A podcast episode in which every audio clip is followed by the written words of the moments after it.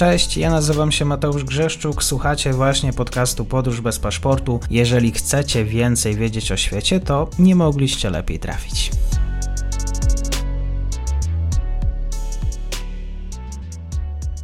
Dzień dobry Państwu, dzień dobry wszystkim słuchaczom. Dzisiaj jesteśmy w dalekim kraju, tak może będziemy rozmawiać o kraju mało znanym, regionie mało znanym, bo jeszcze do kraju y, chwilę y, trochę daleko. Ze mną jest dr Łukasz Stach, Centrum Studiów Międzynarodowych i Rozwoju Uniwersytetu Jagiellońskiego. Dzień dobry Panie doktorze. Dzień dobry Państwu. Będziemy rozmawiać e, o tym, że kilka lat temu właściwie, bo już e, czwarty rok, o ile dobrze pamiętam, mieszkańcy wysp e, Bougainville'a opowiedzieli się za niepodległością. Mieszkańcy wyspy wchodzą na ten moment w skład Papui Nowej Gwinei. W referendum mieli oczywiście wybór za niepodległością lub większą autonomią. No i jak wygląda dzisiaj ta sytuacja, panie doktorze? Cóż, znajdujemy się na etapie drogi do niepodległości wyspy Bougainville. No pytanie, jak ta droga będzie wyglądała. Samo dotarcie do tego punktu wymagało ogromnej liczby, czy wymagało, samo dotarcie do tego punktu związane było z wielkim cierpieniem, o czym zresztą mam nadzieję, że dzisiaj powiemy o tym całkowicie zapomnianym konflikcie. Natomiast na obecną chwilę ustalenia wyglądają tak, że w myśl porozumienia. Właśnie w 2019 roku mieliśmy referendum, ponad 98% mieszkańców wyspy opowiada się za niepodległością. Następnie ustalono, że do mniej więcej 2027 roku Bunga, ma uzyskać niepodległość, aczkolwiek mamy w porozumieniu zawartą klauzulę, że musi na to wyrazić zgodę parlament Papui Nowej Gwinei. Natomiast to na obecną chwilę wydaje się, że perspektywa niepodległości wyspy Bougainville jest realna. No pytanie tylko, czy też de facto dwóch wysp, jest kilkanaście otaczających wysepek Buka i Bougainville jest realna. Natomiast jak ta niepodległość będzie wyglądała, no ale to jest ogromne pytanie, na które no na obecną chwilę nie znamy odpowiedzi. E, no właśnie, wspomniał Pan już o tej e, historii, e, trudnej historii, bo mowa o niepodległości, o niepodległości, o którą walczyli z bronią w ręku. W latach 80. ubiegłego wieku wyspa stała się areną walk między, no właśnie, kim? No, pomiędzy siłami rządu centralnego Papui Nowej Gwinei, a tak zwaną rewolucyjną armią Bugangi. Natomiast jak doszło do tej sytuacji, no to jest scenariusz na dobry film sensacyjny, bo mamy tam generalnie wielką korporację bardzo chciwą, mamy skorumpowanych urzędników, mamy konflikt zbrojny, no i przynajmniej w teorii happy end, czyli to referendum i dążenie do niepodległości.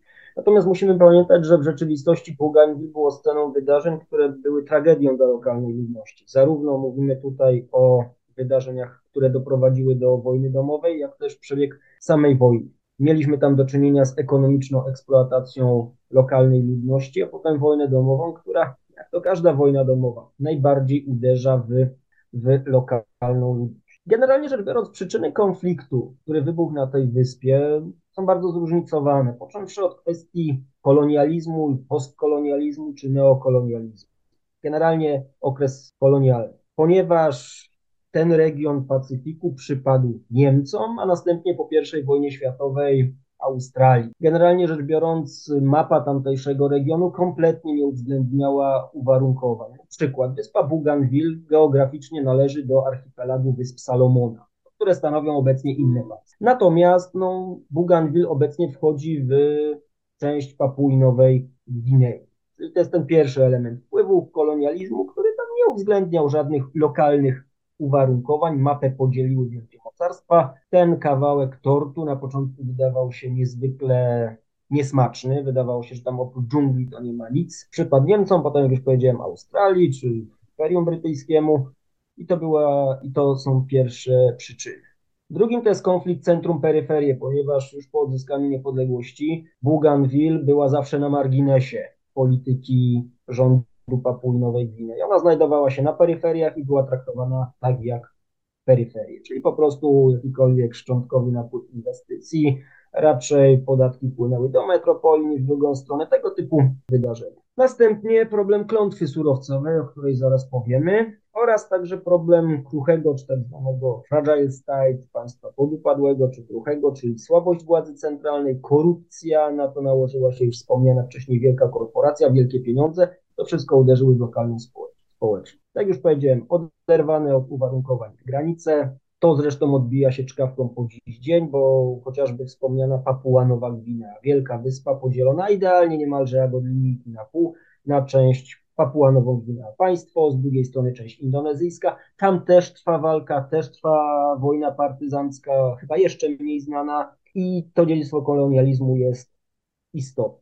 Natomiast proszę Państwa, tak, no dlaczego w ogóle mówimy o, tym, o tej wyspie? Najprawdopodobniej o Bougainville nikt by nie słyszał, gdyby nie to, że odkryto tam na początku złoto, ale jego nie było aż tak bardzo dużo, a potem odkryto miedź, bardzo dużo miedzi ogromne zasoby miedzi. Okazało się, że na tej wyspie znajdują się bardzo potencjalnie bogate zasoby miedzi. Tyle tylko, że no komu było to eksploatować? Papua Nowa Gwinea nie miała na to ani kadry roboczej, ani, ani znaczy nie miała wykwalifikowanej siły roboczej, inżynierów, możliwości do przeprowadzenia tejże kosztownej inwestycji. Z tego też tytułu eksploatacją zajęło się w porozumieniu z rządem centralnym korporacja, za którą stało wielkie przedsiębiorstwo, zresztą po dziś dzień istniejące jedno z największych przedsiębiorstw górniczych świata, korporacja Rio Tinto.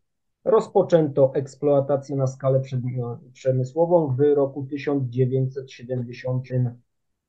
1972 i generalnie rzecz biorąc, przy okazji okazało się, że te złoża miedzi są także bogate w złoto i srebro tego co dotarłem, wydobyto ponad 3 miliony ton miedzi, 306 ton złota i ponad 700 ton srebra. Można powiedzieć, że no cóż, sam interes okazał się brudny, ale zysk bez wątpienia był czysty. Było to tym bardziej opłacalne dla wielkiej korporacji, że no podział zysków był na jej korzyść. Generalnie rzecz biorąc, większość dochodów trafiała do Rio Tinto czy jej spółki, Natomiast władze centralne Papui Nowej Gwinei otrzymywały niewiele, a jeszcze mniej otrzymywała lokalna społeczność. Wedle niektórych danych to nawet zaledwie 1,5% ogólnych zysków. właśnie ta kopalnia działająca w rejonie miejscowości Panguna mogłaby stać się nieco upraszczając błogosławieństwem dla lokalnej społeczności. Bo można było wyobrazić sobie scenariusz, że ta wielka korporacja wybuduje szkołę, szpital, da jakieś możliwości awansu społecznego, zapewni postęp cywilizacyjny dla lokalnej społeczności, a dla źródła władzy, a dla władzy lokalnej będzie stanowić źródło stałych dochodów i środki na inwestycje. To był ten optymistyczny scenariusz. No tymczasem zwykła ludzka chciwość, korupcja, chęć zysku za wszelką cenę spowodowało, że ta kopalnia stała się przekleństwem. Można powiedzieć, że miało być dobrze, a wyszło jak zawsze. Mieszkańcy Bougainville zostali sprowadzeni do roli taniej siły roboczej i obywateli de facto drugiej kategorii. Pojawiło się zanieczyszczenie środowiska, no, ponieważ no, przy obróbce rudy miedzi niespecjalnie przejmowano się standardami ekologicznymi. Zanieczyszczenie no, wysoce toksycznymi związkami szło do wód, do rzek lokalnych, no to dla społeczności żyjącej jednak w zgodzie z naturą, gdzie ta czystość środowiska czy jakość środowiska naturalnego jest bardzo istotna. Nie było stacji uzdatniania wody do picia, to wodę z rzeki. No generalnie rzecz biorąc, to degradacja środowiska naturalnego, wyzysk ekonomiczny no spowodował po prostu, spowodowały, miały dla sobą negatywne perturbacje dla lokalnej społeczności. Ucierpiało środowisko naturalne, tak jak już powiedziałem, dla lokalnej społeczności było to katastrofą, na początku zatruto rzeki, potem zwierzęta, a potem zdrowotne problemy zaczęli mieć ludzi. Tak jak już powiedziałem, obywatele tej wyspy pracujący na kopalni traktowani byli troszeczkę jak ludzie drugiej kategorii, żeby nie, żyć innego, nie użyć innego określenia. Sama lokalna społeczność coś z tym próbowała zrobić. Były apele do władz, do kompanii, no tyle tylko, brutalnie, jak kto by się tym przejmował jakiekolwiek opory moralne, czy troska o ludzi, czy środowisko naturalne, no to topniały w obliczu, w obliczu dużych zysków niczym śnieg na patelni. No efekt był taki, że ludzie byli coraz bardziej zdesperowani. Widzieli, że ani monity do władzy lokalnej, ani władzy centralnej, ani zarządu kopalni nie mają żadnego efektu i generalnie ludzie w końcu chwycili za broń.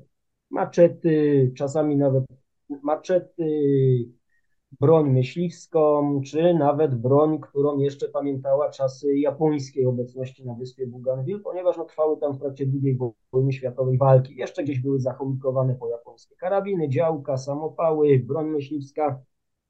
No a potem broń zdobyta na wojskach rządowych. Rozpoczęła się wojna partyzancka. Wojna niezwykle brudna, w ogóle żadna wojna żadna wojna nie jest czysta, to jest jakiś mit, ale każda wojna, są wojny powiedzmy prowadzone wedle chociażby minimalnych zasad, to są wojny prowadzone bez żadnych zasad. To była taka brudna wojna, z dala od kamer, z dala od uwagi świata, z dala od popełnionych tam zbrodni. Z jednej strony mieliśmy do czynienia z słabo wyszkolonymi, kiepsko dowodzonymi, skorumpowanymi, źle opłaconymi siłami policyjno-wojskowymi Papui Nowej Gwinei, no które, cóż, no, korzystały z okazji, a że dyscyplina nie była zbyt mocna, no to rabowały, gwałciły, czasem mordowały, z rzadka walczą z rebeliantami, a z drugiej strony armia rewolucyjna Bugandii też miała sporo na sumieniu, bo tutaj kwestia porachunków, samosądów, rekwizycji, gwałtów też się zdarzało. Takie brutalne oblicze wojny partyzanckiej. Walki trwały dekadę, walki trwały dekadę i generalnie rzecz biorąc przyniosły wojskom rewolucyjnej armii czy armii rewolucyjnej Bougainville sukces. Kopalnia została zamknięta. Kopalnia została zamknięta, natomiast jaka była cena wojny? Ocenia się, że zginęło być może do 20 tysięcy ludzi. Aczkolwiek szacunki są bardzo rozbieżne. Uwaga, od 2 tysięcy do 20 tysięcy. Część analityków mówi, że 10, 15, niektórzy, że kilka tysięcy. Natomiast, mówiąc kolokwialnie, pozostało całe dziadostwo, począwszy od wielkiej dziury w kopalni, znaczy od wielkiej dziury w ziemi po kopalni, skończywszy na zanieczyszczeniu środowiska i na biedzie. I na po prostu biedzie. Ta wojna trwająca dekadę przyniosła efekt o tyle, o ile, że kopalnie zamknięto, ale nic nie zrobiono z tym, co tam pozostało. I to po prostu pozostało.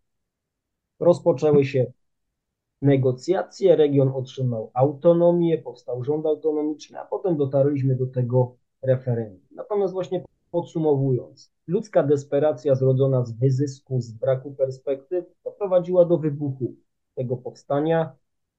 Powstańcy, no można powiedzieć, po 10 latach odnieśli sukces, kopalnia została zamknięta, ale no to rozwiązało tylko jeden problem samej kopalni, ale nie rozwiązało innych istniejących problemów, o które nadal istnieją. Mhm. Jaka rola była Australijczyków w całym procesie?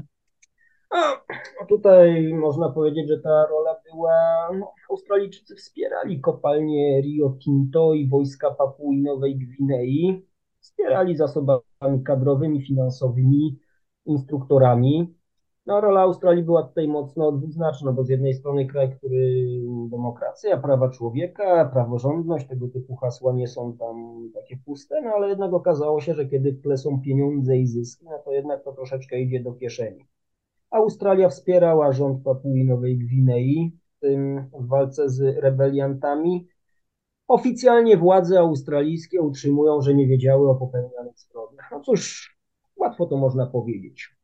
Wspieraliśmy siły rządowe po to, aby zaprowadziły tam prawo i porządek, a nadużycia lokalnych wojskowych, policjantów czy urzędników to już nie jest nasz biznes. To po prostu polityka umycia rąk. Zapewne rządy australijskie, czy rządy australijskie, bo to przecież trwało czas spory, zdawały sobie sprawę z zdawały sobie sprawę mniej więcej z tego, co się tam dzieje, no ale jednak przymykały na to, przymykały na to oko, no tyle tylko, że z czasem zdano sobie sprawę, że to jest droga donikąd. No bo głównym problemem to był tutaj co? Nie sama kopalnia, nie powstanie, tylko rząd Papui Nowej Gwinei. No we wszystkich rankingach Papua Nowa Gwinea, chociażby jeżeli chodzi o wydolność administracji czy poziom jej skorumpowania, to są zjawiska oderwane od siebie. Administracja jest niewydolna, ale skorumpowana. No i zdawano sobie sprawę, że Australia może pompować tam pieniądze, może wysyłać instruktorów i co z tego? Nie przełoży się to na efektywność działań wymierzonych partyzantów. Na to nakłada się kwestia, że te pieniądze, no cóż, no, one znikają I generalnie rzecz biorąc, przedłużanie tego konfliktu nie wchodzi w rachubę, zwłaszcza, że no, o ile Rio Tinto czerpała zyski, no to Papua Nowa Gwina, czy przepraszam, Bungawil kopalnia nie była jej jedynym polem dochodów. Jest to kopalnia, czy jest to spółka działająca na skalę globalną. I rząd australijski w pewnym momencie racjonalnie doszedł do wniosku, że koszta tej pomocy przewyższają zyski i należy zaprzestać, i należy po prostu zaprzestać wspierania rządu Papui Nowej Gwinei. Trzeba poszukać rozwiązania dyplomatycznego, a nie rozwiązania, a nie rozwiązania siłowego. To się nie uda. Władze PM Papui Nowej Gwinei są, można powiedzieć, organicznie niezdolne do rozwiązania tego problemu.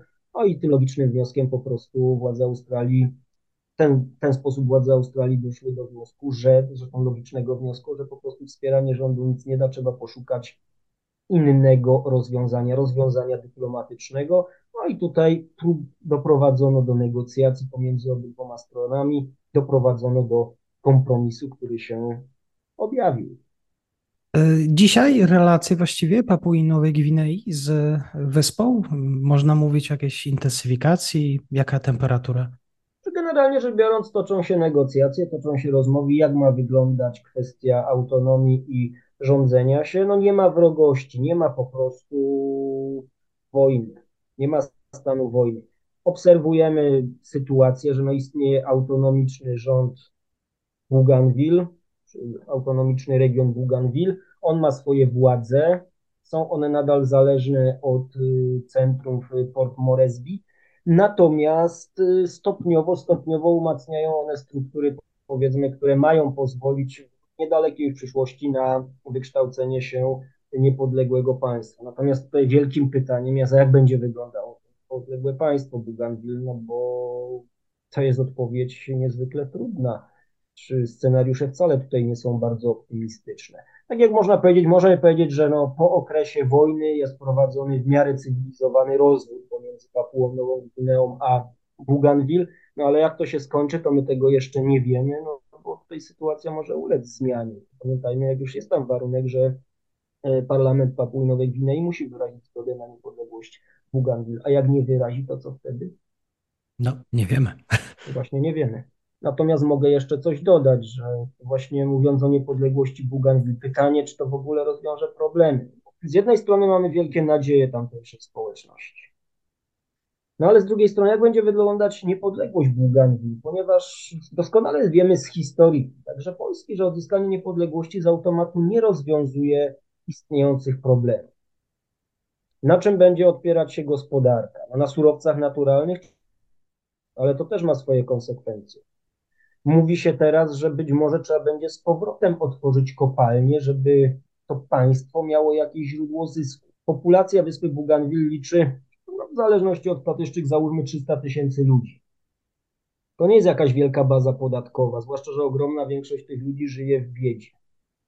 Jak będzie wyglądać władza? Przepraszam, czy władze Bougainville będą w stanie stworzyć nowoczesną administrację, nieskorumpowaną? Czy ta władza będzie odporna na korupcję? My tego nie wiemy. Będzie umiała zbudować działające instytucje państwa, chociażby zapewnić jaki taki porządek, wyegzekwowanie prawa. Jeżeli kopalnia zostanie otwarta i stanie się źródłem dochodu, to przepraszam, czy jakaś kolejna wielka korporacja nie skorumpuje władz lokalnych, czy w tym momencie już władz państwowych nie nastąpi powrót do tego, co było, czyli eksploatacja zasobów naturalnych kosztem lokalnej społeczności, zwłaszcza ze przyczyn chociażby europejskiej zielonej rewolucji zapotrzebowanie na miedź będzie rosło i rosło i rosło i Chiny też będą tym zainteresowane bogactwem? Czy aby Bougainville nie podąży drogą, nie wiem, demokratycznego Republika Konga, co wygeneruje kolejny konflikt? My tego nie wiemy. Budowa działającego państwa jest trudna, tej uzyskanie niepodległości to pierwszy krok na długiej i bardzo trudnej drodze budowy państwowości. Tamtejsze społeczeństwo jest biedny. Instytucje opieki zdrowotnej, edukacji są w powijakach. Z tego, co dotarłem, na 300 tysięcy mieszkających tam ludzi, może troszkę mniej, troszkę więcej, bo tak dokładnie to nic statystyk nie prowadzi, to jest jeden szpital i 35 ośrodków zdrowia. Wyobraźmy sobie. Przy czym standardy tych szpitali, ośrodków zdrowia no, są różne. System edukacji jak wygląda? Generalnie szkolnictwo opiera się w dużej mierze na działaniach misjonarzy, którzy tam działają. Czy Bougainville będzie w stanie czy ludzie mieszkający na Bougainville będą w stanie zbudować państwo, jak ono będzie działało, czy nie stanie się jakimś pionkiem w rozgrywce wielkich korporacji zainteresowanych czy własnym zyskiem, albo wielkich mocarstw, które dojdą do wniosku, że no, Bougainville ze względu na swoje położenie jest idealnym miejscem, żeby na przykład założyć tam bazę wojskową. Na odpowiedzi na te pytania my nie wiemy i to, że mieszkańcom udało się wywalczyć zamknięcie kopalni, udało się, czy być może uda się uzyskać niepodległość, to jeszcze nie oznacza, że tam uda się zbudować funkcjonujące państwo, tak aby ludzie mogli żyć naprawdę w zgodzie z naturą, aby mogli żyć, kultywować swoje tradycje i nie cierpieć z powodu wyzysku ekonomicznego czy konfliktu. musimy pamiętać, że Bougainville jest jednym z ostatnich miejsc na Ziemi, które jest, nadal posiada swoją dzikość, piękno przyrody, może być bardzo interesującym kierunkiem na ekoturystykę. Natomiast, jak już powiedziałem, na wiele pytań związanych z przyszłością tego regionu my nie mamy odpowiedzi. Droga do budowy własnego państwa może okazać się równie trudna, jak droga do wywalczenia zamknięcia kopalni, która, tak jak już powiedziałem, mogła być błogosławieństwem dla lokalnej społeczności, a stała się przekleństwem. I oby te surowce naturalne, które tam się znajdują, a których rozwinięty Zachód nie tylko Zachód, rozwinięty świat tak bardzo potrzebuje, znowu nie stały się przekleństwem dla lokalnej ludności nie doprowadziły do kolejnego konfliktu. Miejmy nadzieję, że tak się nie stanie. Doktor Łukasz Stach, bardzo dziękuję. Dziękuję. I to już koniec na dzisiaj. Zapraszam na profil podcastu Podróż bez paszportu na Facebooku, Instagramie i Twitterze. Zachęcam też do wsparcia mojej pracy na serwisie Patronite oraz Buy Coffee. Do usłyszenia.